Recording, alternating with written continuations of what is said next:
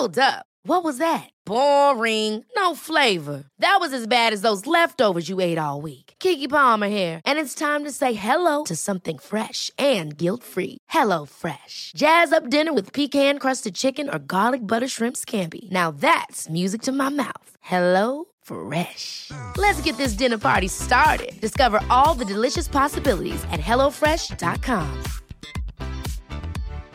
One size fits all seems like a good idea for clothes until you try them on. Same goes for healthcare. That's why United Healthcare offers flexible, budget friendly coverage for medical, vision, dental, and more. Learn more at uh1.com. There's never been a faster or easier way to start your weight loss journey than with PlushCare.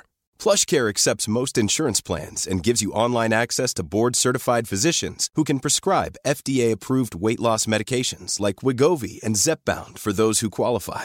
Take charge of your health and speak with a board-certified physician about a weight loss plan that's right for you. Get started today at plushcare.com slash weight loss. That's plushcare.com slash weight loss. plushcare.com slash weight loss. Veckans sponsor är Telia. Hos Telia samlar man mobil, bredband, IT-support, mobilväxel, allt som gör företagande enkelt. Och det är just det här att samla allt på ett ställe, att ha någon att vända sig till när det inte fungerar, det är Telia. Ett exempel på vad som inte är Telia, det är ju som när jag lyckas boka förmötet för en poddinspelning med Finansinspektionen till efter själva inspelningstillfället. Eller när jag här, här året var liksom, fick för mig att jag skulle börja springa, så jag är liksom ute och springer taggad, träffar en kompis som säger så du Jan, på måndag ska jag springa ett lopp. Och jag känner så här, ja men det låter inspirerande, så jag käkar pasta, jag byter om, tar mig ner till Malmö stadion för att göra en efteranmälan, står där i kön och sen så när jag liksom anmäler mig så tittar de på mig och säger så här, du Jan, vårhuset är bara till för kvinnor. Och eh, det var, det var typisk en situation som inte är Telia. Oavsett, ett stort tack till Telia som sponsrar, gör Rika Tillsammans möjligt, men framför allt tack till dig som lyssnar, följer och eh, hänger med oss varje vecka. Ja, jag påstår verkligen att alla kan faktiskt bli rika. Och det är till och med enkelt, men det är inte lätt. Det handlar om att tjäna pengar, spara en del av de pengarna man tjänar, investera de pengarna och att göra detta över tid på ett regelbundet, systematiskt och förutsägbart sätt. Du lyssnar på Rika Tillsammans-podden som handlar om allt som är roligt med privatekonomi. I den här podden får du varje vecka ta del av konkreta tips, råd, verktyg och inspiration för att ta ditt sparande och din privatekonomi till nästa nivå på ett enkelt sätt. Vi som gör den här podden heter Jan och Caroline Bolmesson. Idag är det dags för avsnitt eh, 37 och eh, idag så tänkte jag att vi skulle prata om det här, så blir du rik. Det är Mhm. processen Mm. för att bli rik. Men du, är inte det lite sent påtänkt nu efter tio år på bloggen? nu tar vi Nu Så tar blir vi- du rik. Ja, precis. Så här, rika tillsammans tio år senare. Nej, men de, den artikeln har faktiskt hängt med ända sedan 2008. Eh, Men, men sen är det ju så här, tiden går, man eh, utvecklas, eh, man får nya kunskaper, man blir... Framförallt så upplever jag att jag blir bättre och bättre på att förenkla. Alltså Mm. att, att minska komplexiteten. Så att nu tittade jag över den här artikeln för några veckor sedan så blev jag så här, gud vad pinsamt. Eh, Men det betyder att du har utvecklats. Ja, När man tycker att något man har gjort för länge sedan är pinsamt, då är det att man har utvecklats. Ja. Jag tröstar mig alltid med det. Ja, vad skönt. Nej, men så jag tänker att eh, det, det är det som vi ska prata om idag. Gå igenom de här tre olika typerna av inkomster. Mm. Gå igenom eh, några så här generella bra råd, sunt förnuft-råd. Och, Som har eh, hängt med länge nu. som har hängt med länge och sen, och sen försöka dela upp det i de här stegen. Alltså för, för, för i grunden så påstår jag att det är ju inte särskilt eh, svårt, utan det handlar om så här, tjäna pengar, det handlar om spara pengar, det handlar om investera pengar och sen liksom bl- blir man ju då, om man gör detta över tid, så blir man ju rik Mm. helt enkelt. Och eh, jag tänker faktiskt att, jag, jag, när, kommer du ihåg när vi gjorde avsnittet med Rich Dad Poor Dad? Ja, ja. så tänker jag att eh, att det handlar om att bygga rikedom. Han hade en så fin beskrivning. Han sa så här, att bli rik, det, det är som att, att plantera ett träd. Mm. Och i början så behöver man liksom ta hand om det här trädet. Det är inte säkert att det överlever, liksom. det står inte emot Det är storm. inget träd heller från början? Nej, nej det är precis. liten- Det är en liten planta, det är ett Mm. litet frö. Men sen så vattnar man det här eh, fröet och, och så växer det lite så får man ta hand om det, skydda det mot solen och liksom så här, verkligen ge det kärlek. Men sen kommer det någon dag då liksom det här trädet har växt sig så stort, rötterna är så djupa, liksom grenarna är så starka att plötsligt behöver du liksom inte ta hand om det längre. Utan då kan man själv börja njuta av det här trädet, njuta av skuggan, njuta av det som träden gör. Och man kan till och med ärva bort det liksom till sina barn sen. Och jag tyckte det var så fin beskrivning av det här ekonomin, att liksom så här få det här trädet att växa av sig självt. Mm. Och eh, de senaste tio åren, vi har ju ändå kommit ganska långt, tycker jag, på den resan. Jag ska inte säga att trädet står emot alla stormar än, men, Nej. men, men ändå ganska, ganska många eh, faktiskt. Och eh, jag tänker också så här att när, när vi ändå är inne på det här så upplever jag så här att till och med vi här blandar ihop begreppen. Och Ja, vad tänker du? Jo, men jag tänker så här att, eh, att det handlar om att tjäna pengar. Det är ju ganska enkelt. Det, det gör Man de. måste få in pengar. Man måste få in pengar. De flesta Mm. av oss får in pengar, eh, liksom vi vet vi går till ett jobb. Mm. Eh, eller man får in pengar genom att man är student och man liksom tjänar pengar genom att man klarar sina högskolepoäng och så får man CSN. Eller så går, Mm. är man kanske sjuk eller liksom så att man får bidrag Ja. Mm. av något sätt. Så det är ganska enkelt. Men sen kommer man till det här med spara pengar versus investera pengar. Ja. Och där kan jag uppleva att det är väldigt stor begreppsförvirring. Alltså jag tycker det är ganska stor skillnad på spara och tjäna pengar. Mm. Eh, och det är inte som att detta är någon sanning, utan, utan så, som ett undersökande. Så tror jag att spara pengar, det är ju liksom så här från eh, bondesamhället. Att eh, det kommer ju så här att vi ska spara skörden till nästa år, vi ska spara till vintern. Så för ja, mig... Du menar att man ska ha så att man kan... Ja, men lägga på hög. Jag har liksom ingen Mm. förväntning. Om jag sparar så lägger jag på hög. Jag har ingen förväntning om att det ska växa. Typ jag sparar på frimärken eller liksom jag, så här, jag, har inte för, jag har inte en förväntan att jag kommer dit och så tittar jag om ett år så är det fler frimärken. Nej, nej, okej. Utan spara Nej. är lägga Mm. på hög och skulle vi prata investeringstermer så är det för mig så här att ja, men jag förväntar mig en avkastning motsvarande inflationen. Det är inte Mm. att det ska bli större, men jag vill helst inte att det minskar i värde heller. Versus då investera pengar där jag aktivt sätter mina pengar i arbete med en liksom kalkylerad risk, en förväntning om att pengarna ska ge en viss avkastning. Och då brukar jag säga så att investera, då accepterar jag den avkastningen som eh, marknaden ger i genomsnitt. Som indexfonder Mm. ger 8 och jag investerar, då är jag supernöjd med 8 Jag köper en hyresfastighet och hyrorna varje månad är 10 000. Eh, liksom, om det är fullt uthyrt, ja men då förväntar jag mig 10 000. Och sen har vi, en, och sen har vi Mm. egentligen det sista också man skulle kunna prata om, som, eh, som vi också skriver lite kort om, det är spekulera. Där jag förväntar mig en högre avkastning än det som Mm. marknaden ger i genomsnitt. Så om jag säger de här globalfonderna, eh, till exempel ger 8% de här indexfonderna som jag alltid tjatar om. Men så väljer jag till exempel en aktivt förvaltad fond, eller jag förvaltar mina pengar själv. Ja. Då, då måste ju ansatsen vara att jag vill ha en högre avkastning än det jag hade fått om jag hade valt den här enkla indexfonden. Mm. Så att, då, så att sammanfatta det, liksom, spara pengar, det är lägga pengarna på hög, förvänta sig en avkastning motsvarande inflationen. Eh, Investera pengar, då accepterar jag den avkastningen som marknaden ger i genomsnitt och spekulera pengar, då förväntar jag mig en högre avkastning än vad marknaden ger i genomsnitt. Ja. Och- ja, men bra. Och varför, och, för- förlåt, och varför, varför jag tycker detta är lite spännande, för att liksom, vi har så här en av de största organisationerna som jag verkligen gillar, Aktiespararna. Ja. Jag har ju varit medlem typ sedan jag var 16. De heter ju Aktiespararna. Mm. Eller vi pratar om spara i aktier. Eller så här, så att, Så det är en motsägelse menar du? Nej, det är inte motsägelse, utan det glider. De här termerna glider. Och jag tänker att nu när vi pratar, för processen som vi säger är så här, tjäna pengar, spara pengar, investera pengar och sen liksom så här, bli rik. Sen kan man Ja. spekulera för man tycker att det är roligt eller om man vill göra några andra saker. Mm. Och jag skulle väl egentligen eh, säga att den, en av de första frågorna som man behöver ställa sig det är också så här, varför bli rik? Eller varför vill jag göra den här ekonomiska resan? Alltså, varför vill man ha pengar? Ja, om du skulle, vad är din test? Varför vill du ha Nej, men pengar? jag tänker att det ger eh, rätt mycket frihet. Så fort det är en brist på pengar, låt säga då kanske man inte kan tanka bilen. Mm. Man kanske inte kan köpa mat. Alltså så fort det är en brist så är man begränsad. Mm.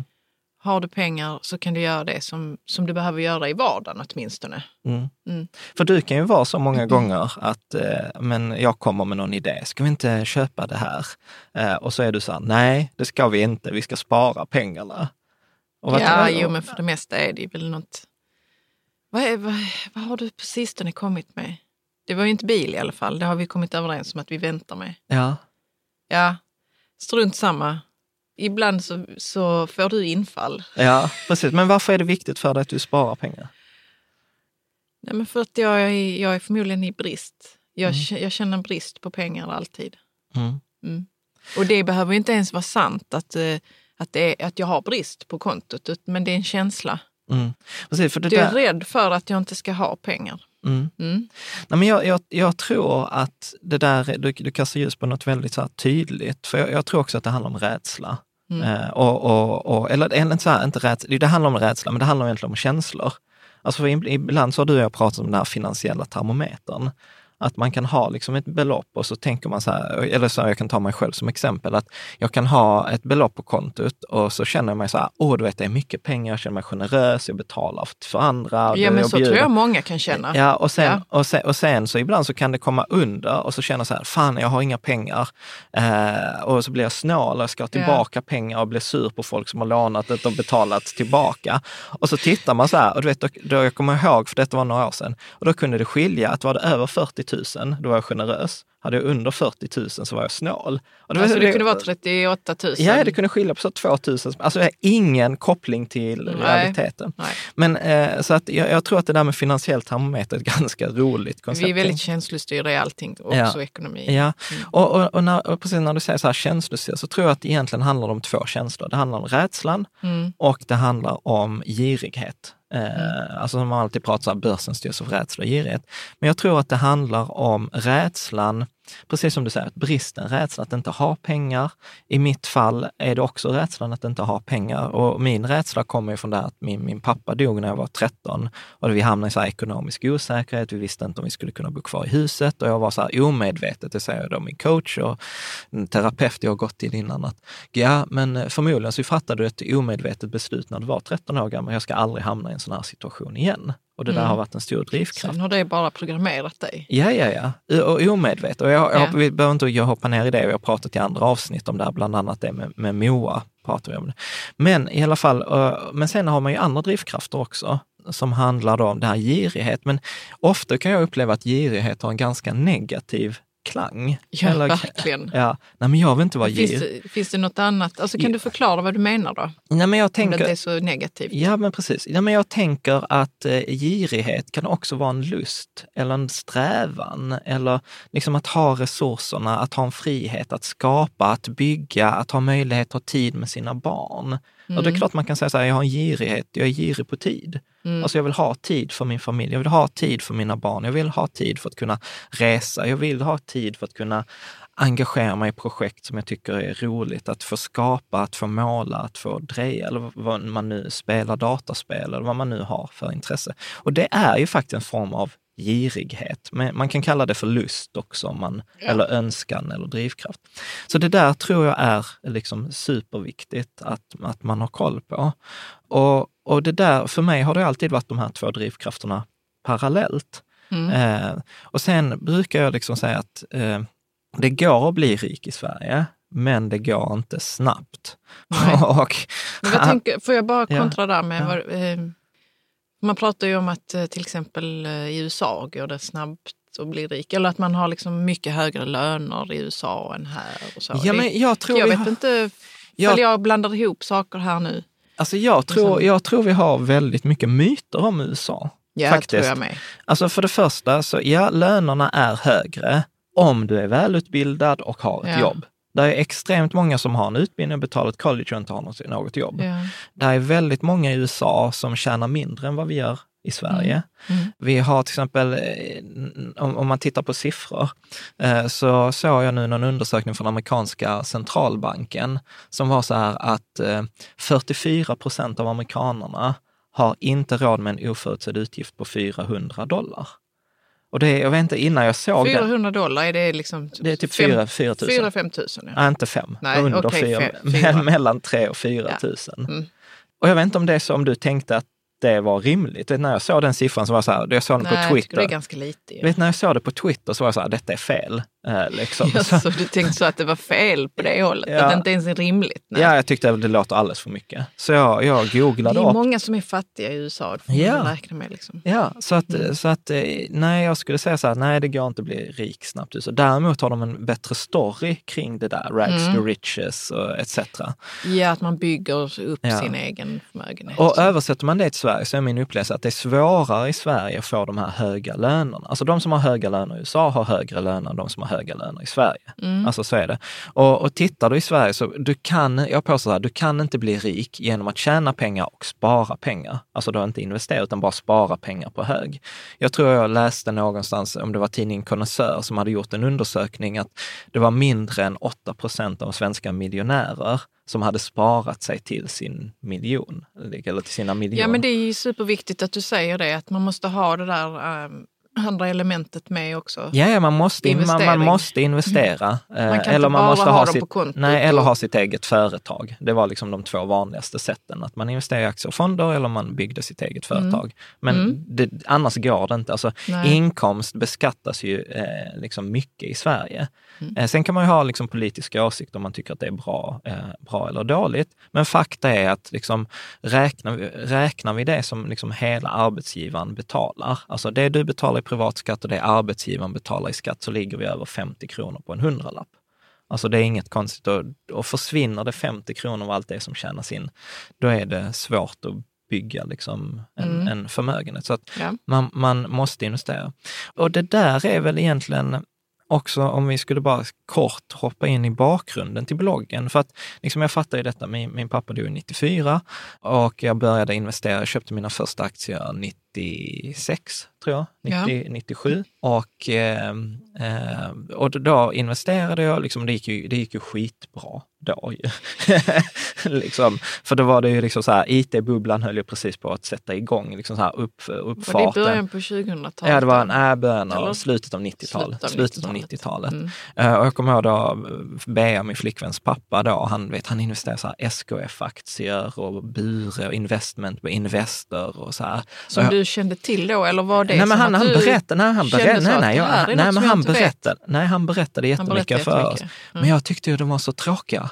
Alltså Jaha, SKF, okej. gör kullager. Du vet, det fanns ju Framfab och Icon Media Lab och ah, du vet, så här, det fanns ju massor. Ericsson var ju skitkul. Nokia, alltså det var, så här, det var jättekola bolag. Jag kommer ihåg vi investerade klasskassan i Ericsson-aktier. Så här, jag tror vi dubblade, tredubblade pengarna där 99 2000. Liksom.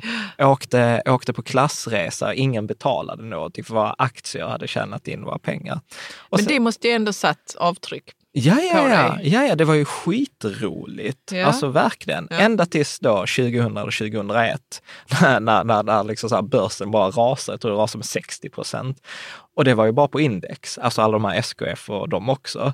Men, men alltså Icon, Framfab finns ju inte längre, Icon Media Lab finns ju inte längre. Så att jag förlorade ju typ alla pengarna där. Och då var det så här skittråkigt. Var det din första bubbla, Jan? Det var, min, nej, det var faktiskt min andra bubbla. Min första bubbla upplevde jag 98, men då hade jag inga pengar. Då, det var för lite pengar.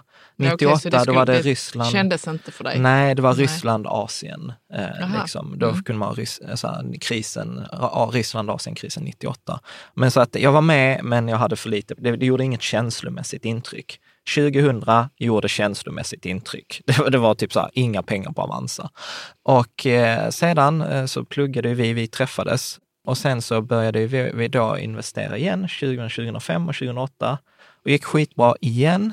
Och sen, Kommer du ihåg vad vi investerade i då? Jag kommer inte ihåg. Nej, men alltså det var ju börsen igen. Alltså jag minns inte vilka bolag eh, det Nej, var. Det var Vi då. körde på. Ja, vi körde på. Och sen förlorade vi jättemycket 2008 igen. Och, och det var ju väl då jag insåg, och det var ju då, då du sa till mig också så här, detta med risk. Kommer du ihåg att vi hade pengar på börsen? Och sen så gick, eh, så tittade vi på Rapport och gick rapport, sa börsen där kvart i åtta. Idag har börsen gått upp så var det en bra kväll. Hade börsen gått ner så var det en Så dålig. det gick ut över mig. Så att jag ja. tyckte det var jag. Jag gav dig nog en till min bok som hette En aktiespekulants Psykologi, ja Mm. precis. Var det så här hint? Liksom, tänk dig. Nej, men jag tänkte att det kunde vara intressant att bara liksom... Det var nog kanske den enda boken jag egentligen hittade i ämnet. Ja. Så då fick du den. Ja, och sen, Ja. men sen kommer jag jag vet inte om du kommer ihåg det, men du sa till mig så här, du, antingen så slutar du investera eller så skiftar du attityd. Mm. För det var så här, eh, ja men det var inte bra. Eh, och det, det är där från det tillfället som jag har den här grund, en av grundreglerna. Påverkar dina investeringar din vardag, då har du för hög risk. Mm. Alltså ens investeringar, sparande bör bara vara positivt i ens liv. Mår man dåligt så är det, då, då gör man Och någon som någonting sa det, om det kostar dig din sömn så är det för dyrt. Ja, Mm. ja men det, det är skitbra. Nej, men och, och då fattar jag väl liksom så här, nej men det är någonting som jag inte fattar. Då träffade jag, hade jag ju mentor Klas-Erik och då var han också så här, Jan, detta är inget konstigt det som händer. Du vet när en person med pengar träffar en person med erfarenhet så händer alltid samma sak. Personen med pengarna får erfarenheten och personen med erfarenheten får pengarna. Och nu har du, du har haft pengarna, nu har du fått erfarenheten, gör någonting av det. Mm.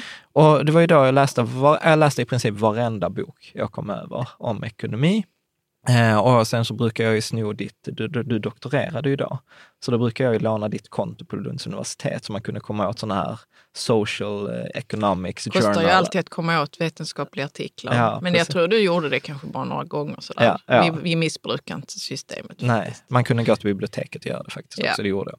Men i alla fall, så då läste jag så här jättemycket vetenskapliga artiklar och då bara insåg jag så här, gud detta som finansbranschen säger, det sättet jag har investerat på, alltså där finns väldigt lite bevis för att det funkar Mm. över tid. Och det var då jag kom i kontakt där med passiv aktiv förvaltning, att liksom går det att slå index genom sig? Ja, det går, men det är typ bara 0,6 procent av alla personer som gör det över tid, eh, etc. Och så blev jag först, först blev jag liksom så här ledsen, sen blev jag för, förbannad, alltså hela den här känslomässiga resan. Och sen tyckte jag att Du folk kände var... dig lurad? Ja, men jag kände mig lurad och så tyckte jag att eh, framförallt finansbranschen var, det var idioter. Liksom, varför ljuger de för oss?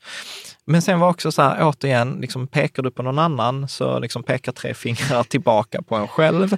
Ja. Eh, så det var så här, men tänk, de på banken eller finansbranschen, de gör ju bara sitt jobb. Alltså, Mm. det kan vara jobb- så att de inte vet riktigt. Nej, men, ja, kan det också vara, men, Jo, men man behöver ju vara insatt kanske på ett helt annat plan. ja, det, det, det tror jag. Men jag Jag tror, har läst många böcker och vetenskapliga artiklar. Ja, men det, precis, det tror jag inte den genomsnittliga bankman har gjort. Nej. Men, men jag tror man kan ta det på ett, eh, på ett mycket enklare nivå och säga så här, om du jobbar på ett företag, vad är, vad är uppgiften du har då? Jo, men tjäna pengar för det företaget. Mm. Eller hur? Och jobbar du på bank så är din uppgift att tjäna pengar till banken. Det är ju inte att Absolut. hjälpa, liksom, din uppgift är ju inte att tjäna pengar till dig som kund. Nej, men vet du varför man kan känna sig lite lurad? Det är ju för att de, det står ju inte som Marcus säljare. Nej, där står personlig Nej, det gör det rådgivare. faktiskt inte, utan man utger sig för att vara något annat. Ja, precis. Det, det får jag faktiskt säga. ja, Det är därför som, som man... Jag har inte förstått det heller, att de är säljare. nej. Utan jag har trott att jag ska få hjälp. Och det, man får väl hyfsad hjälp, men det är inte den där oberoende Nej, det är inte den hjälp. oberoende Det är inte den hjälpen, oberoende, nej. för de är inte ute efter, för de måste ju tjäna pengar. För, och det är också så dumt, men vi har pratat ju mycket om detta i avsnittet med Henrik Tell. Det är ju liksom Mm. dumt i Sverige att finansiell rådgivning anses vara gratis. För om det är gratis, då behöver du få betalt någon annanstans. Mm. Och finansiell, bra finansiell rådgivning, ja, det kostar 2,5 till 5 000 spänn i timmen. Men eftersom vi inte betalar det, ja, då måste ju de ta pengarna någon annanstans.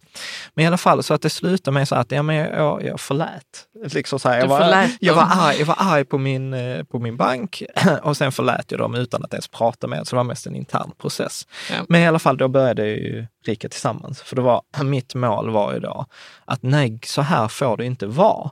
Nu, nu, liksom så här, detta måste ju fler få reda på. Ja, du ställde dig på En så här kan man, barrikader. eh, ska man säga, småspararnas sida Ja, ju. Ja, och jag Som har ändå ju, är en ganska stor kraft. Ja, ja gud ja. Och, och framförallt för vår egen del. Mm. Alltså vi har ju våra pengar. Alltså för, för mig handlar det ju så här, så här gör jag, detta är vad jag tycker är bra. Är, är du också intresserad så kan du göra samma sak. Och här är, här är, och det är evidensbaserat. Det är inget jag tänker eller jag tycker eller så här verkar vara fakta.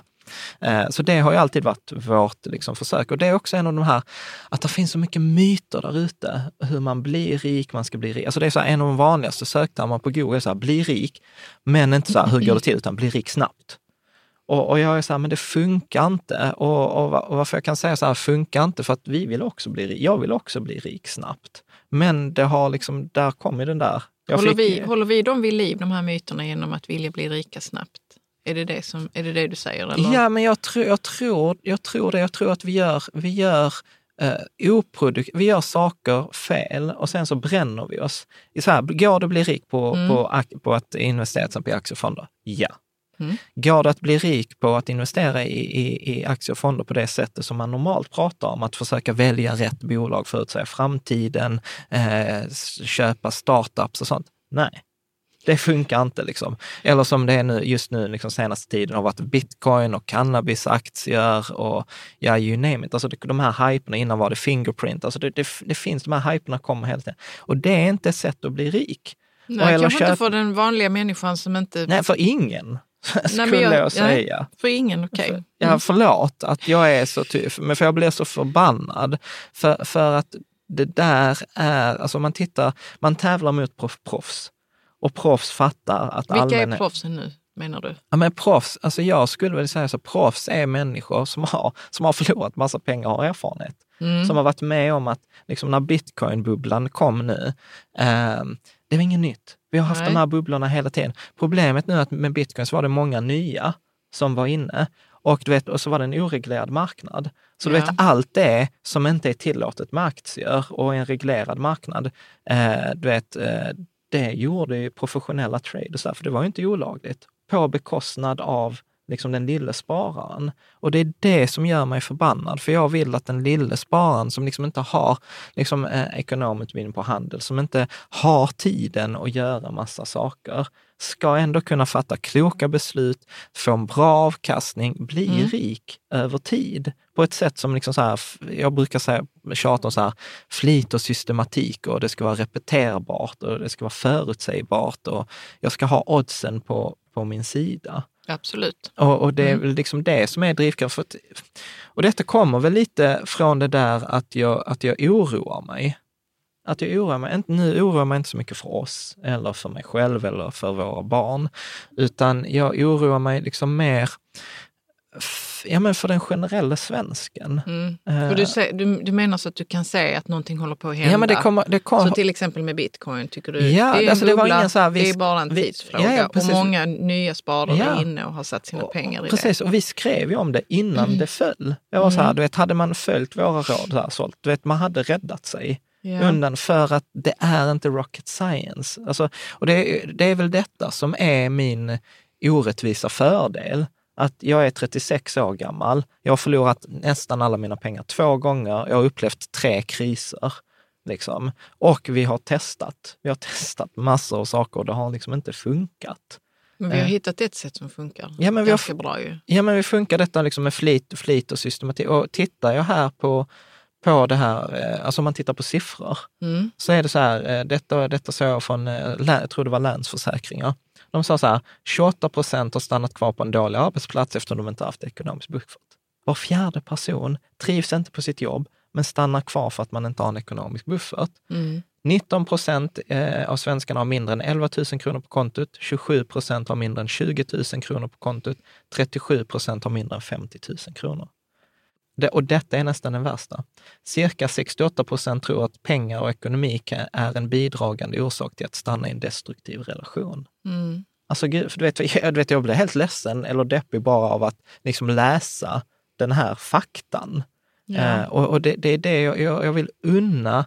Jag vill unna människor något bättre. Att kunna ha um, spelrum för sig själv Ja. med jobb och relationer. och- Ja. Mm. Ja, att ha, att, att, att ha, men det är som i balansen kan man kalla för att ha ett rikt liv. Mm. Och inte rikt i nödvändigtvis att ha mycket pengar på kontot, men att upplevelse av det. Vi har ju bara, eh, som har, vi har en kompis som brukar säga så här, men Jan, vi har ju bara 960 månader på oss och nu, nu är ju januari borta också. Jag vet, jag hörde det, jag blev så bara, "Åh!" det är så här ångest, eh, liksom att eh, vi, vi tror Att att, vi, livet går. Ja, men vi Mm. tror att vi lever för alltid, men det gör vi inte. Och Nej. vad är det för liv då? Att oroa sig, att ha liksom det här misäret. Och, och särskilt, alltså detta gillar jag ju från eh, Robert Kiyosaki. Han, han skriver i sin bok eh, så här ju, att det, de flesta av oss har det här problemet. Vi ska betala våra räkningar i slutet av månaden. Mm. De flesta av oss kommer ha det problemet resten av livet. Då kan vi liksom säga att detta är ett långsiktigt problem. Men Ja. de flesta av oss löser det ganska kortsiktigt genom att släcka brännved. Vi går till jobbet och så tjänar vi pengar den månaden, betalar räkningar och sen måste vi till jobbet nästa månad också. Och till och med om man säger så här att jag är inte intresserad av pengar, det är ju ganska konstigt eftersom vi lägger väldigt mycket tid för att skaffa de där pengarna. Ja, det gör vi. Och, och då blir det så här, men varför inte lösa det här problemet en gång för alla? Och en av de grejerna som jag tycker är coolast, ap- apropå att lösa det här problemet en gång för alla, Mm. det är ju att ekonomi är typ det enda, är ett område som skiljer sig väldigt my- mycket från många andra. Och jag vet inte om du håller med, men normalt sett så upplever jag så att vi i samhället, vi belönar den som gör mest, den som kan mest, den som vet mest, den som engagerar sig mest, den som är mest aktiv. Mm. Eh, liksom, det är den som får mest resultat, det är den vi ser upp till. Det är etc. den som syns mest det är den som syns Mm. mest, eh, exakt. Absolut. Eh, men eh, i, i ekonomi så är det precis tvärtom. Och, och detta är ju varför jag verkligen älskar eh, det här, för att det ger oss som småsparare chansen. Och jag tror den som sa det verkligen bäst är eh, professor Jeremy Siegel och han är, han är professor på Wharton Business School, en av typ USAs finaste handelshögskolor. Och då säger han så här, citat. De flesta av oss har ingen möjlighet att vara lika bra som en genomsnittlig person i en aktivitet som de har spenderat flera år att träna sig i. Men vi kan utan problem vara lika bra som en genomsnittlig investerare på aktiemarknaden utan någon som helst träning eller erfarenhet. Och det där är för mig, du vet, det var, du vet, när, när jag läste det där mitt i all den där misären, att jag Ja, kände du mig läste den för länge Ja, jag sedan. läste det för ganska länge sedan. Så blev jag så glad eh, att bara så, det, ja, men det finns en chans, det finns en, en möjlighet. Och att det här att jag inte engagerar mig eller kan eller att jag vill spendera tid med dig eller med, med, med Freja och eh, med andra saker som jag tycker är roligt. Och jag kan då ta kloka liksom, och långsiktiga beslut eh, liksom, i, min, i min ekonomi. Mm. Och eh, det tycker jag liksom att det borde ju fler veta. Och det är väl egentligen det som är lite eh, kontentan. och jag tänker innan vi hoppar in i det, så vad, betyder det där? Eh, för att man kan ju ha åsikter om att det där med att vara en genomsnittlig person, varför skulle jag vilja vara det? Vill man inte vara bäst? Ja, Vad tänker du? nej, det var precis det jag tänkte. De flesta vill ju vara bäst, Ja. men då måste man ägna så mycket tid. Det är inte säkert man ja, men, det vill är det. inte, liksom. men det är inte ens tid. Alltså, för, och, detta, och det är jättebra att Vad du kastar tänker du då? ljus- Ja, nej, men jag-. Jo, men det är jättebra att du kastar ljus på det. För det där är den vanligaste missuppfattningen. Att om jag bara lägger tid, Ja. om jag bara engagerar mig, om jag bara läser tillräckligt mycket böcker, så kommer jag bli bättre än genomsnittet. Ja, men det är det man tror, ja. Ja, men det, Ja. men det är fel. För att du tittar på de här fondförvaltare.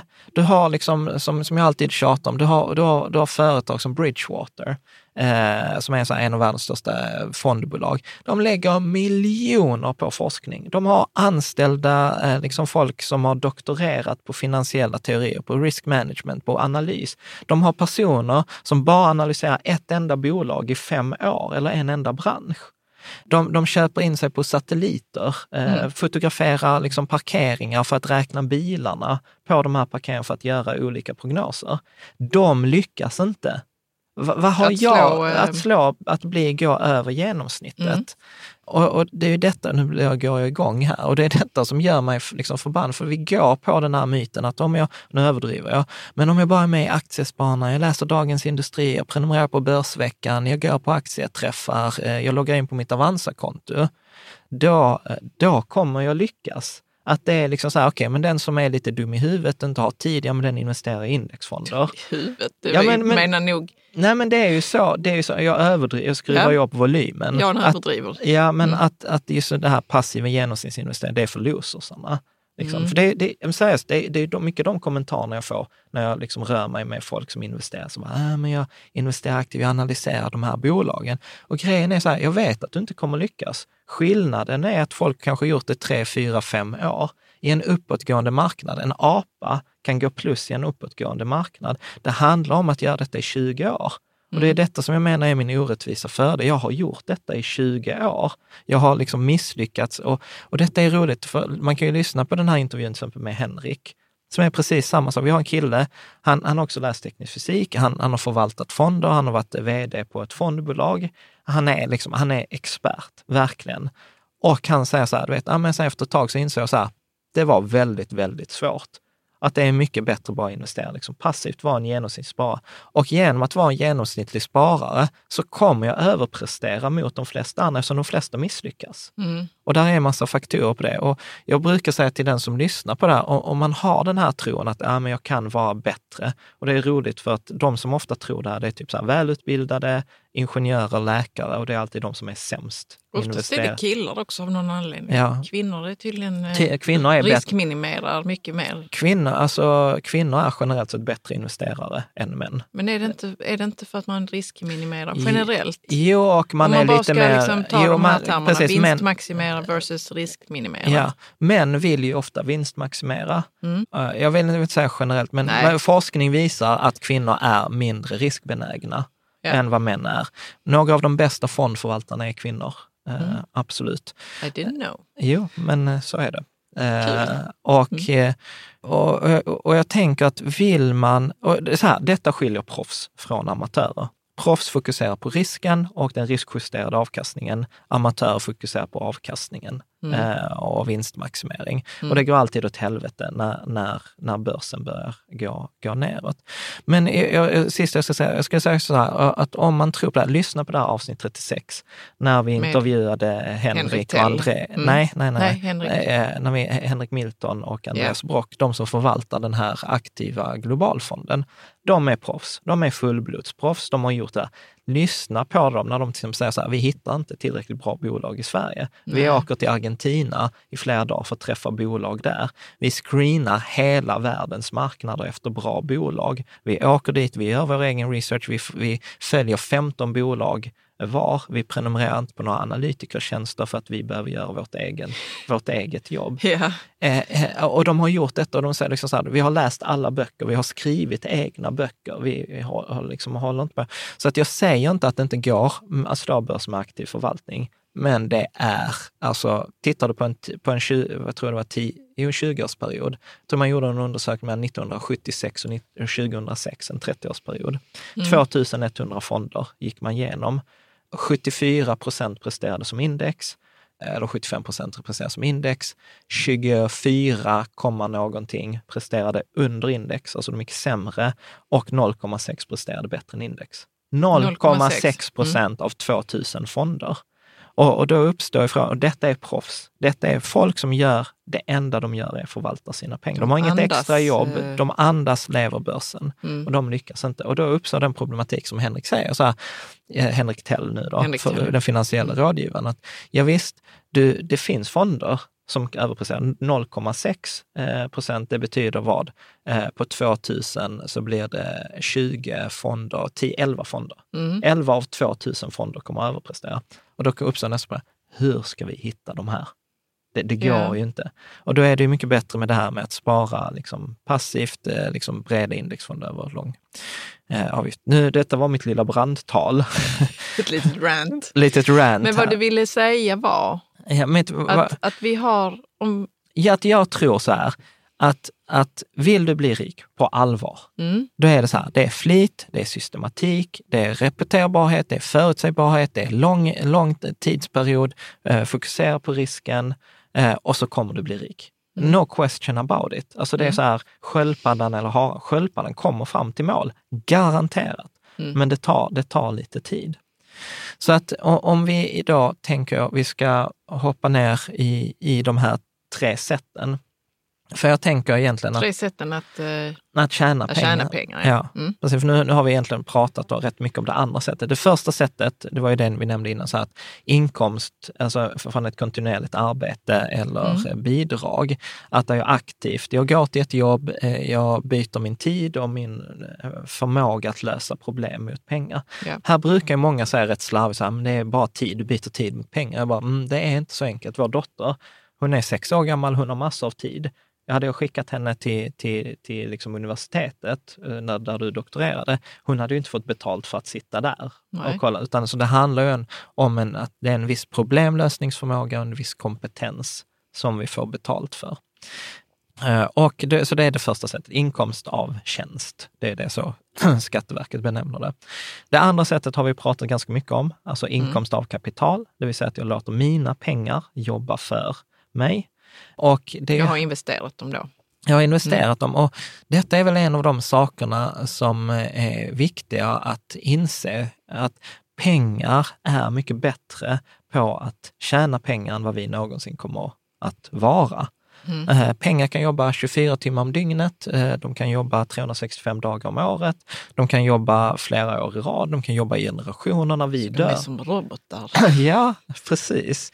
Nej, men alltså, du vet, när, när, vi, när vi dör så kommer våra barn ärva våra pengar. Mm. Och är de kloka så fortsätter de låta dem jobba så att de tjänar eh, liksom pengar. Och då är ju tricket, tricket då med att bli rik, det tycker jag idag, det är ju att man lever på den avkastningen, man lever på den lönen som pengarna tjänar åt en istället för att leva på den lön som, som jag tjänar ihop eh, med mina pengar.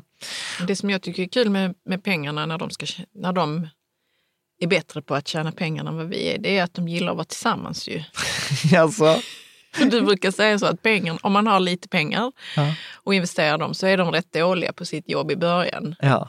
De, de kan, inte, Nej, de kan men- inte prestera så Nej, mycket. Men ju precis. fler de är, desto bättre är de Ja, på Fast- att eh, bli ännu fler. precis. Alltså, Mm. Ibland så kan jag uppleva att den metaforen haltar lite för att de är egentligen så här, relativt sett är de ju lika Relativt duktiga. sett. Är de ju lika Mm. duktiga från Men start. vi märker alltså. inte det. Vi Vi inte- märker, nej precis, Nej. och det är väl det misstaget. Att, att jag investerar tusen eller en hundralapp och jag får 10 procents avkastning så blir det 10 kronor. Har jag en tusenlapp så blir det 100 kronor, 10 000 så är det en tusenlapp. Ja, men det är skitbra att du säger det, för att ja, relativt sett är de lika bra att tjäna pengar när de är få som när de är många. Och då pratar vi om det här med ränta på ränta ju. Exakt. Eh, och, Eh, men alltså att man måste ha tålamod i början. Ja, och där kommer vi in, in på en, en annan sån här fallgrop som, vi, som jag har pratat om i andra avsnitt, som är mental bokföring. Jag värderar inte pengarna lika mycket. När de inte är, när så, de inte är så många. många. liksom ja. att 10 procent tycker man i början är ganska kass. Alltså så här, Alltså- jag har 10 000 kronor, jag får 10, 10 procents avkastning på ett helt år. Det är en tusenlapp. Ja. Vet, hade jag Ja, jobbat, så nej, hade jag, jobbat, hade jag jobbat lite övertid eh, eller jobbat någon helg så hade jag förmodligen fått in mer pengar än den tusenlappen. Mm. Problemet är att sen kommer du till nivå att 10 procent funkar oavsett om det är 10 000 kronor eller en miljon. Och pratar vi 10 procent på en miljon, ja då är det 100 000. Pratar vi ett år. 10 procent på 10 miljoner, ja då pratar vi plötsligt en miljon. Och du kan inte jobba övertid och få en miljon extra. Nej, Nej, det är det du menar med att pengarna är bättre på att tjäna pengar än vad vi är. Precis, Mm. precis. Att pengarna har inte den här begränsningen att vi bara kan jobba 24 timmar om dygnet.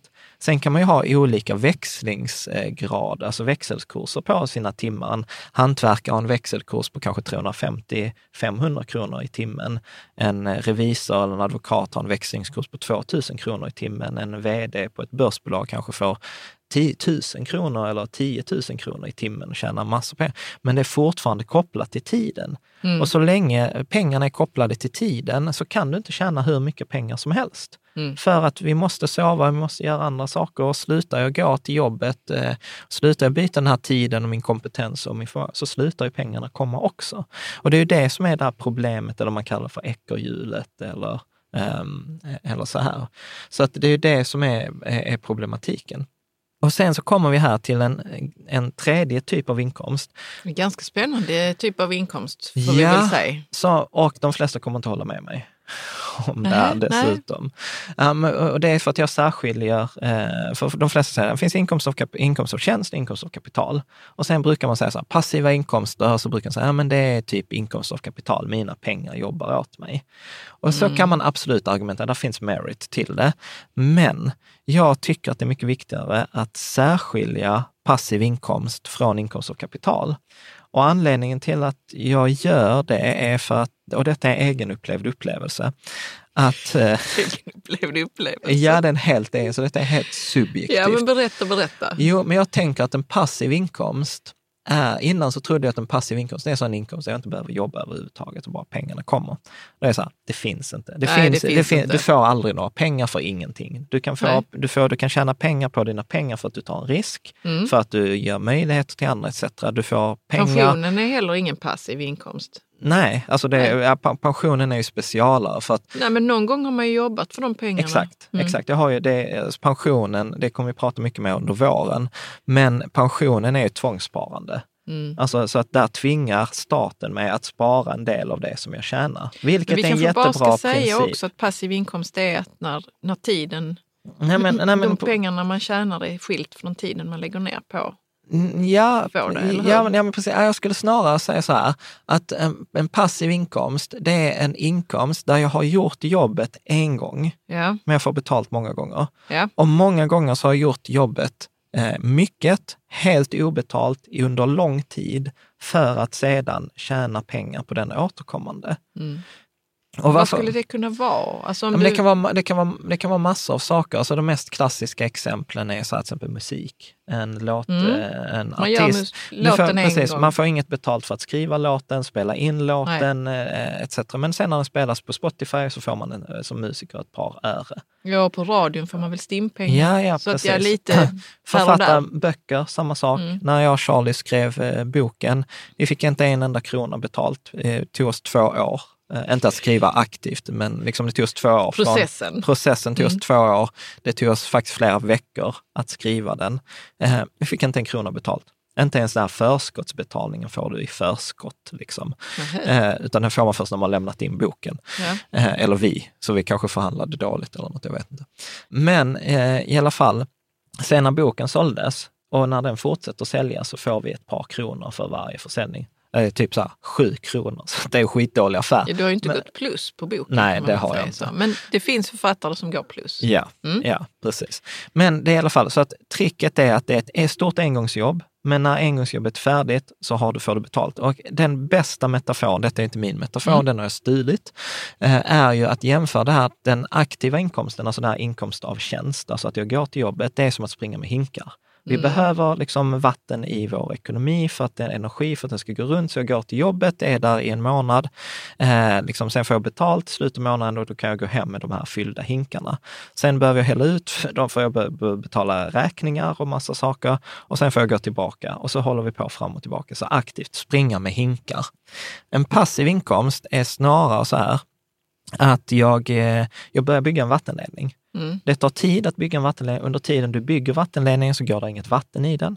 Du vet inte om den kommer att hålla liksom tätt när du Nej. sätter på vattnet. Du vet inte ens hur lång tid det kommer ta. Men du har en tro om att när den här vattenledningen är färdig, då kommer jag aldrig behöva springa med hinkar igen, för då kommer allt vattnet forsa i den här vattenledningen. Mm. Och sen eh, gillar jag den metaforen, man kan bygga vidare på det, för sen behöver jag underhålla den här vattenledningen. Jag kan inte bara lämna vattenledningen och så Nej. då kommer den rosta sönder, det kommer att rinna mindre och mindre vatten, det kommer att läcka. Så jag måste vara där och sköta. Men poängen är att det är ingen koppling mellan mängden pengar och eh, liksom tiden, utan Nej. pengarna kan liksom bara så forsa in.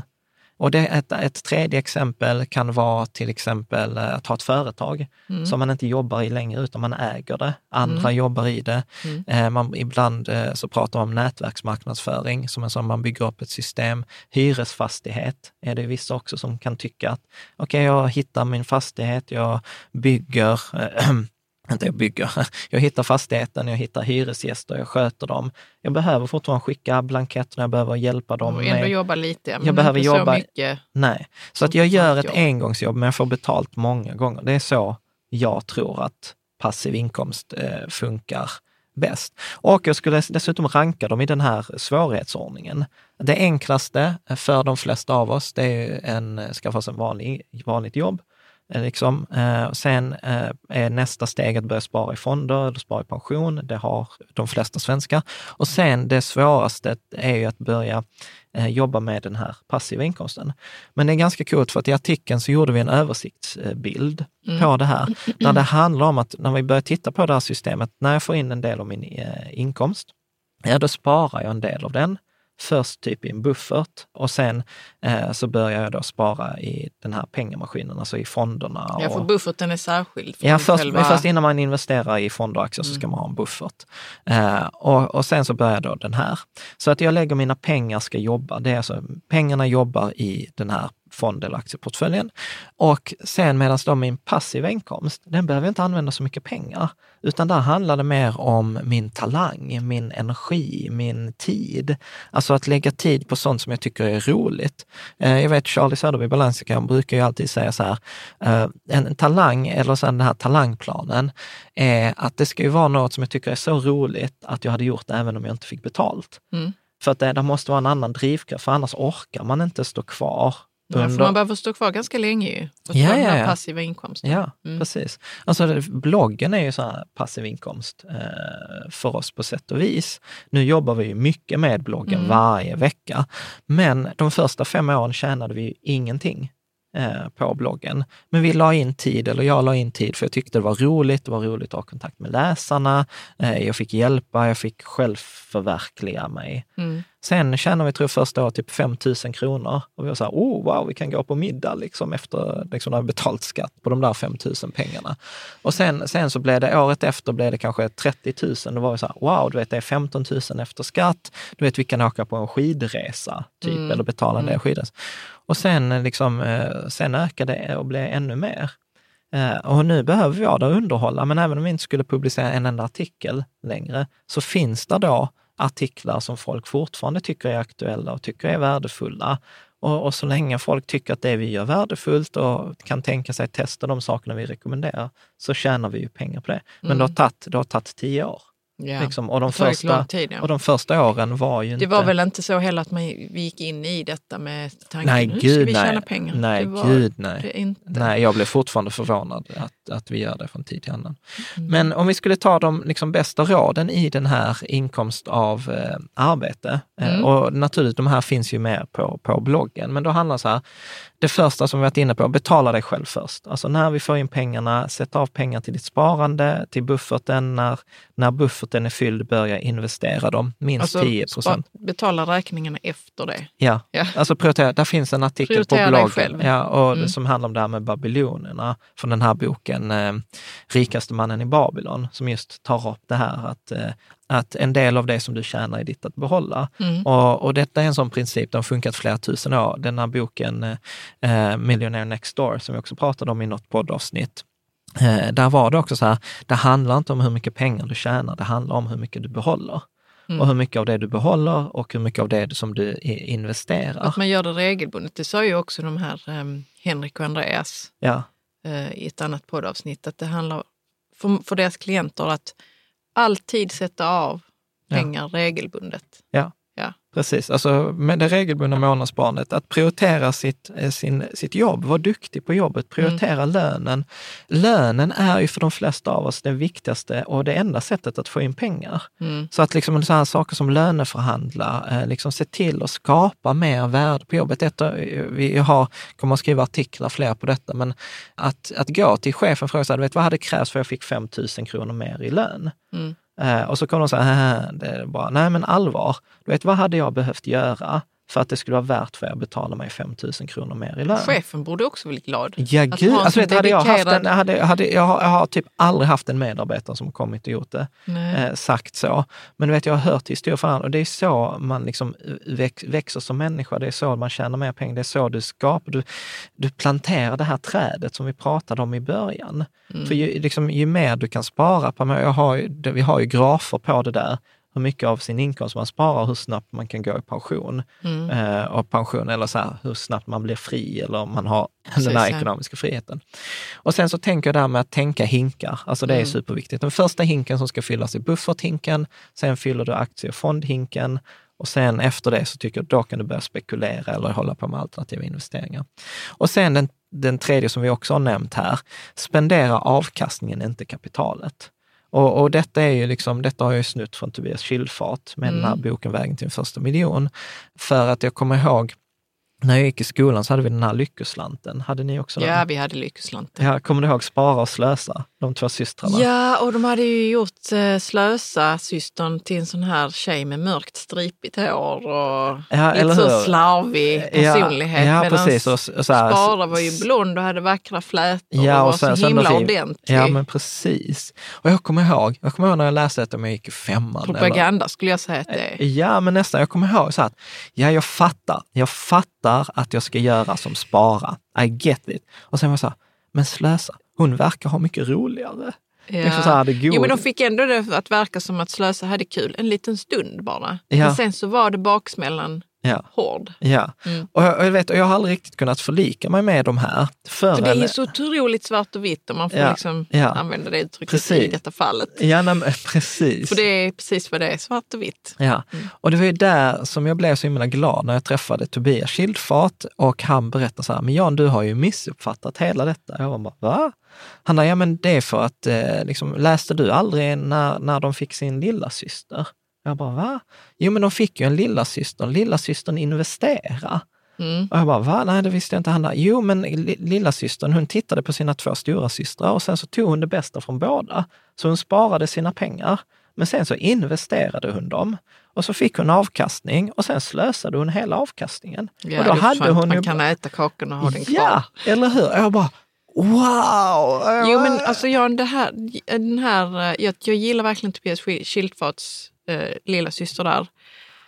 För att eh, det är väl också någonting som har satt mycket prägel på hur vi tänker. Ja. Att det behöver inte vara antingen eller i ens liv. Mm. Utan man kan ha både och. Ja, precis, det är När det står mellan två alternativ och man bara, "Åh, men det är liksom så svårt att välja. Bara, Mm. Ja, fast oftast kan man få både och. Ja, men precis det där är en briljant coachfråga. Jag Mm. tror jag faktiskt fick den av Lennart, eh, Mm. då vår, vår vän. Han, han, han sa, jag kommer ihåg att jag funderade så här, men ska jag göra det eller det? Han bara, alltså den mer spännande frågan är hur kan du göra både och? Ja, bra fråga. Ja, och, och det där har jag alltid tagit med mig och det är därför jag också säger så många gånger är frågorna betydligt svårare än svaren. Mm. Alltså att... eh, Att du vet- ställa rätt fråga är ställa- betydligt ja. Eh, och det är liksom därför jag älskar det här avsnittet vi gjorde om Rich Dad Poor Dad. Mm. För där bara listar vi massa sådana här frågor. Du vet, hur kan du tjäna pengar när du sover?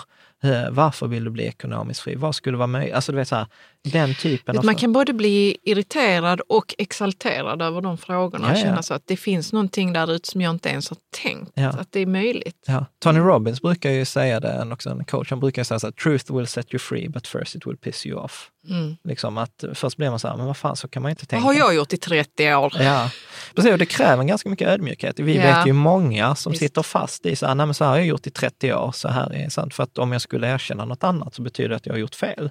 Och jag pallar inte tappa ansiktet.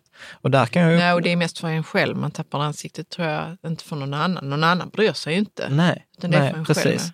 Så, att, nej, så att därför älskar jag den här, liksom, att tricket är spendera avkastningen. Och, och, och, och det där var ju ett av våra mål med huset. Så att nej, vi Mm. flyttar inte till vårt hus förrän våra investeringar kan försörja huset. Mm. Vi, vi köper inte en ny bil innan vi gör det där, eller vi gör inte det där förrän, för att då kan vi göra det. Om man gör det på eh, avkastningen, då kan man göra det uthålligt över tid. Då kan jag göra det om och om och om igen och pengarna kommer inte minska för att pengarna jobbar hela tiden in nya pengar.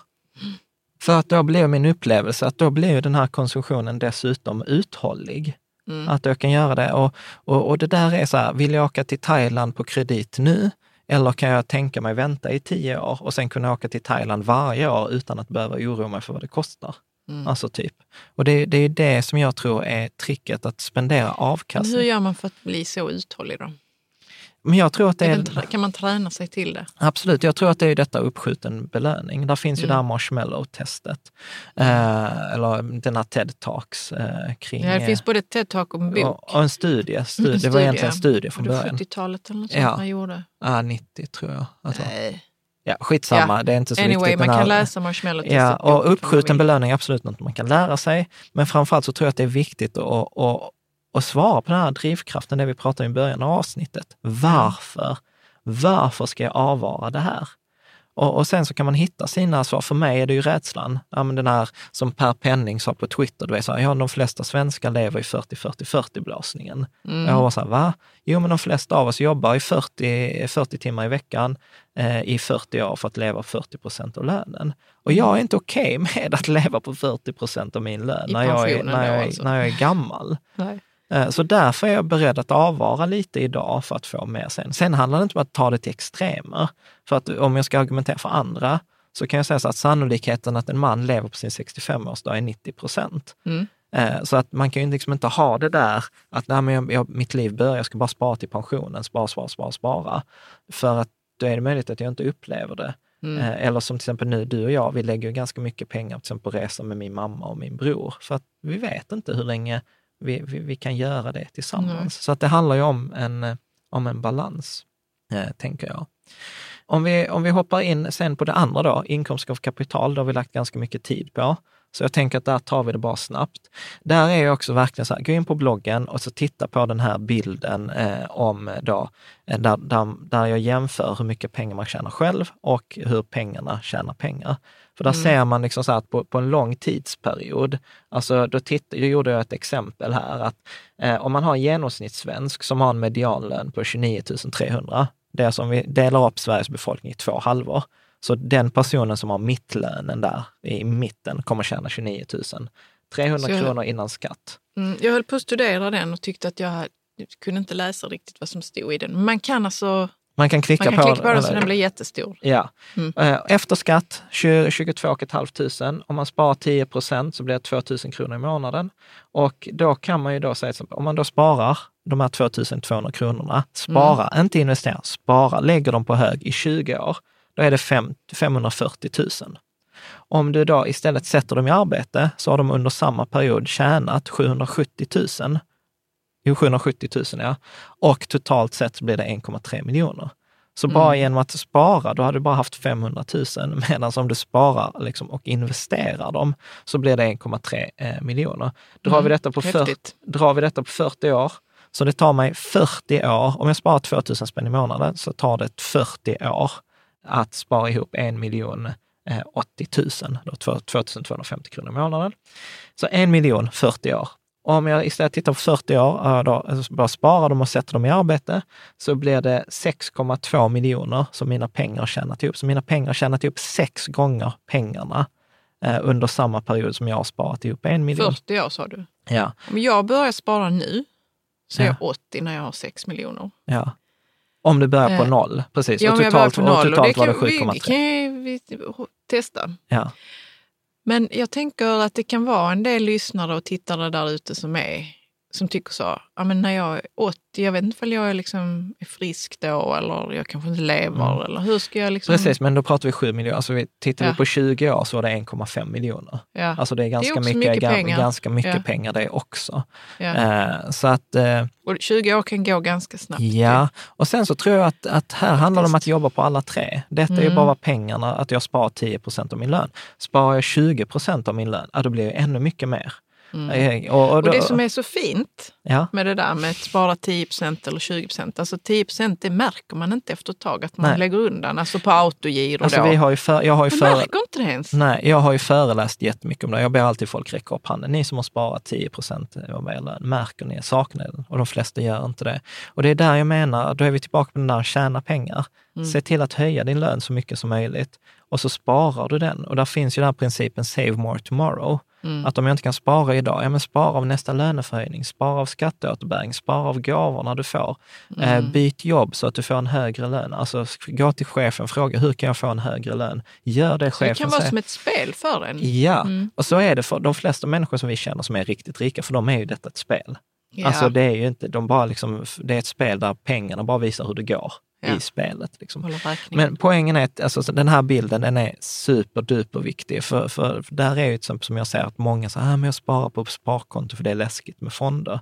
Ja men du vet så här, du, alternativkostnaden är liksom 6 miljoner på en lång tidsperiod. Nej, men ska, jag, ska jag sammanfatta det så, så skulle jag säga att det handlar om så här, börja tidigt, för tiden är liksom viktig. Spara regelbundet eh, och spara långsiktigt så att du får den här ränta på ränta.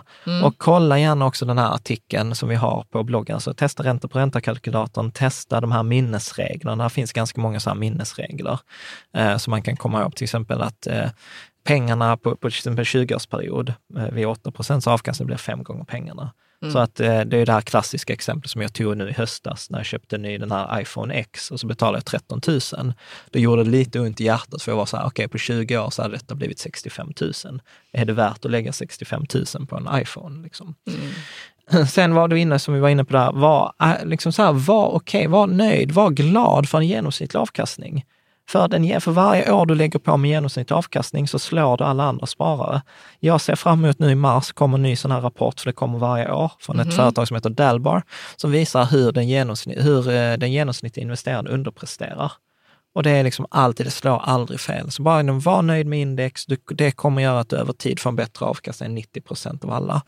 Och där, där rekommenderar vi liksom för konkret, titta på de här modellportföljerna som vi har på bloggen. Så nybörjarportföljen, globala barnportföljen, rika tillsammans-portföljen. Ja, man behöver inte sätta ihop något själv om man inte känner sig Nej, supersugen nej, nej man kan ta och kopiera det eller så kan man eh, testa Lysa som vi samarbetar med. Mm. Och då har vi liksom en länk både i artikeln och här under videon, eh, eh, att, eller på, i poddavsnittet, eh, som man kan testa där de gör allt det där automatiskt eh, åt en. Eh, sen sen som, som vi också var inne på där, fokus på riskminimera istället för vinstmaximera. Det finns en anledning till Warren Buffett, världens rikaste man, har grundregeln, är så här, regel nummer ett, förlora aldrig pengar. Regel nummer två, glöm aldrig regel nummer ett. Och, och den har jag också visat, den kan man också illustrera med en bild som visar hur mycket pengar man behöver. Att om du förlorar 10 procent, ja då behöver du ha 11 procents avkastning. Om du förlorar eh, 20 procent av ditt kapital, ja då måste du ha 25 procent plus. Om du förlorar 50 procent av ditt kapital, då måste du ha 100 procents avkastning. Mycket Det viktigare. är väldigt svårt att få ju. Ja, ja, ja, ja. Så det är mycket viktigare. Alltså så här, Ja, små, man tänker alltså, inte alls på det, hur mycket det måste gå upp om man Nej. har förlorat en Nej, alltså det, 100%. och, och vi, vi räknar ju inte på det sättet. Alltså, nu kan jag vara lite taskig mot det här, men om jag förlorar, Mot 90, mig? ja, om jag förlorar 90 procent av mitt kapital, hur stor värdeökning behöver jag ha för att komma tillbaka på noll? Det är så här, Jag vet inte, det är nej, det är 100. omöjligt. Ja, så här, om jag ska gissa, 100, 200, 300, 200 procent. 900, 900 procents avkastning. Jag, jag räknar inte ordentligt. Nej, men, kan- nej, nej, precis. Och det var förlåt, det var Nej, inte, men det var inte, med, det var inte meningen att sätta dig eh, på Helt pottan. otroligt att det behöver vara 900 procent. Ja, och jag menar, och min poäng att illustrera detta, inte ens jag visste det där förrän jag körde detta, jag gjorde min Excel-simulation och gjorde den här grafen. För vi tänker, vi, vi, vi människor är skitdåliga på att tänka exponentiellt. Vi, vi, vi klarar inte det. Och, Nej, men det är för att man heller inte vill tro att... nej. Alltså det- man behöver göra matten för att fatta det. Ja, Mm. och det är därför det är så här, förlora inte pengar. Det är, jag får alltid skit så här, men varför har du så mycket ränte på, räntefonder? Varför har du så krockkudde? Du är en sån fegis, du är så rädslodriven. Och jag är så här, ja, för att jag fattar matten. Jag fattar att om jag Ja, förlorar då 50... skulle jag nog inte säga att du är rädslodriven längre, utan då har du liksom något helt annat som ligger Ja. där och som, som ja, du tack, vet. det var snällt. Nej, men som, som du går på om man vet att man förlorar 50 procent Ja, av sitt kapital. Hur mycket sa du att man 100 behövde? procent. Man behöver få tillbaks. Ja, Man behöver få ja. Alltså, men det är så här, eh, matten är så här. 100 Ja, titta här. i Jag har- avkastning. Ja, ja, titta här. Jag har en hundralapp, Mm. jag förlorar 50 procent, då har jag 50 kronor. Mm. Om jag, har, om jag får tillbaka 50 procent, Mm. 50 procent, 50 kronor, 25 kronor, då har jag bara 75 kronor. Ja, precis. 50 procent av 50 procent. Ja, 25 kronor. ja. Ja. Så, att, det- så att jag behöver, liksom, jag behöver för att gå från 50 till 100, Så detta tror jag är så måste- superviktigt för de måste- som lyssnar. då måste jag ha, liksom så här, jag måste dubbla pengarna och dubbla Mm. pengarna är 100, 100 procent. Ja, för då förstår man ju helt plötsligt varför portföljerna ser ut som Ja. gör. Ja, så att Mm. det är liksom skitviktigt. Men jag, vi skriver om Roligt det. att det var en eye-opener här för mig. Ja, i jag, detta avsnittet. jag var bra. Det är skönt att kunna bidra till det också. Ja. Eh, sen var vi inne på det, låt inte dina investeringar påverka din vardag negativt. Eh, behöver inte säga så mycket mer om. Eh, vad var det du sa? man ska kunna, om man inte kan sova gott om natten så är det för dyrt. Eller Ja. vad det var. Ja. Och sen kan jag, så här superkonkret tips, i PPM, byt tillbaka till den här sjunde AP-fondens SOFA.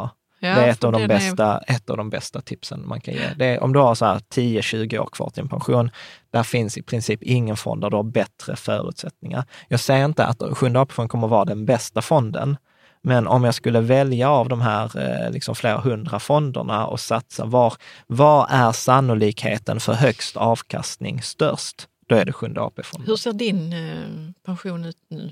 I min, I min PPM, Ja, 90 procent Sjunde AP-fonden, 10 procent räntefond. Ja. Det är nog det jag också har nu när vi har bytt. Ja, det hoppas Från jag. mitt skräp jag hade. Ja, precis. Och sen den tredje, eh, den passiva inkomsten. Den, det jag upptäckte nu när jag repeterade den här artikeln, att detta är det jag har skrivit minst om på bloggen. Så detta är mitt projekt för 2018, komplettera artiklar. Men Vad jag, sa du att du hade skrivit minst om? passiva inkomsten. Jag har, Passiva inkomster. jag har skrivit jättemycket om att sätta dina pengar i arbete. Jag har i princip inte skrivit något om att tjäna pengar. Jag har i princip inte skrivit något om passiva inkomster. Men så- kan det bli något litet löfte här nu då? Eh, Att skriva lite mer? Att skriva lite mer. Ja, precis. Nu i vår kommer vi skriva rätt mycket om pension, eh, Ja. eh, tror jag. För att det är sånt som alla har. Man kan göra mycket impact med lite, lite insats. Mm. Eh, men om jag skulle säga så här, säga någonting om de här passiva inkomsterna, så skulle jag säga så här att jag snor Robert Kiyosakis Earn while you learn. Mm. Ska du bygga en passiv inkomst så kommer du behöva en massa olika färdigheter. Du kommer behöva eh, liksom, eh, kunna försäljning, marknadsföring, prata med andra människor, ledarskap etc. Var strategisk. Ta gärna arbetsuppgifter där du får lära dig de här sakerna. Eh, det är mitt bästa råd till, till studenter eh, till exempel, som frågar vad ska jag läsa? Jag bara, gör, gör liksom så här, fundera på vilka skills, alltså vilka färdigheter du vill ha och sen sök dig till företag som är duktiga på att utbilda inom de färdigheterna. Mm.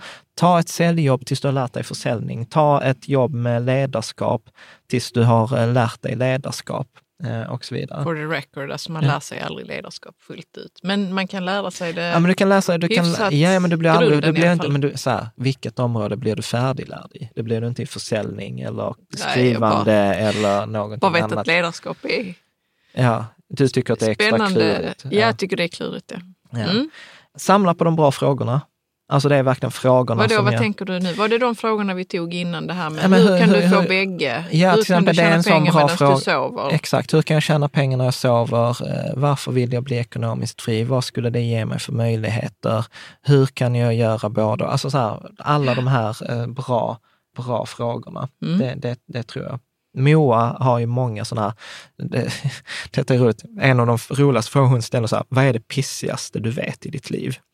Och Det är sen, en jättebra fråga. ja, och sen var För då kunde jag, liksom, när jag väl pinpointade vad det var, stressa till exempel, ja, kan jag tänka så, okej men då vill jag inte det. Utan då vill jag ha en, en eh, hyfsat stressfri tillvaro. Precis, och Alltså jag då- visste vad jag ville ha när jag visste vad jag ta mig tusen inte vill ha. Ja, precis. Ja, precis för då Mm. blev- blev det så här, men harmoni är viktigt, lugn är Mm. viktigt, balans är viktigt.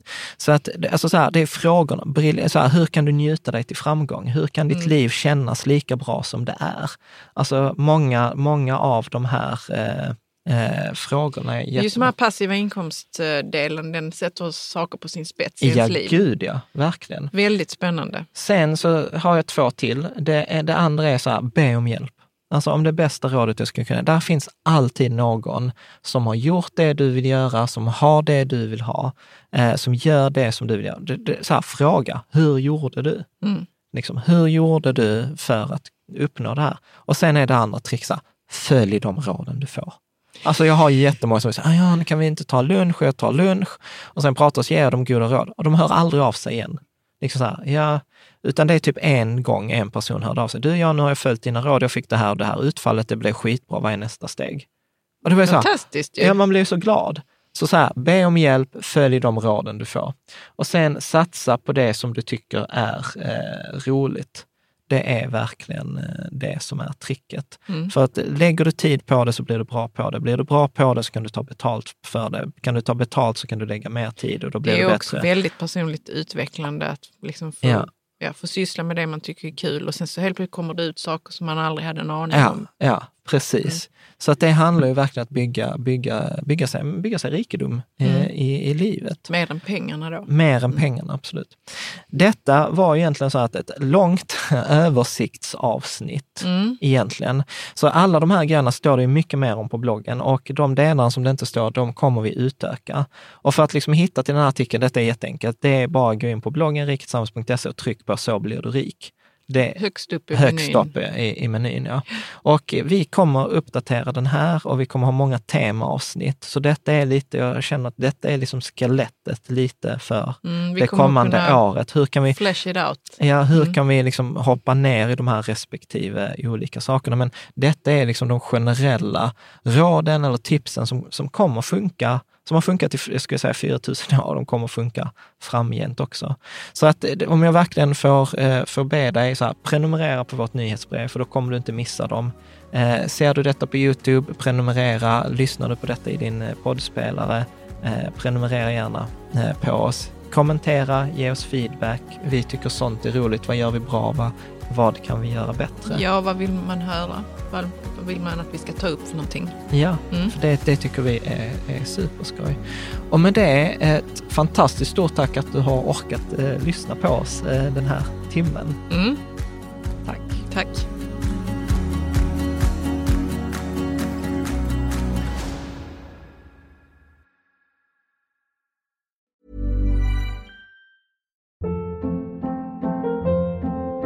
Hold up. What was that? Boring. No flavor. That was as bad as those leftovers you ate all week. Kiki Palmer here, and it's time to say hello to something fresh and guilt-free. Hello Fresh. Jazz up dinner with pecan-crusted chicken or garlic butter shrimp scampi. Now that's music to my mouth. Hello Fresh. Let's get this dinner party started. Discover all the delicious possibilities at hellofresh.com.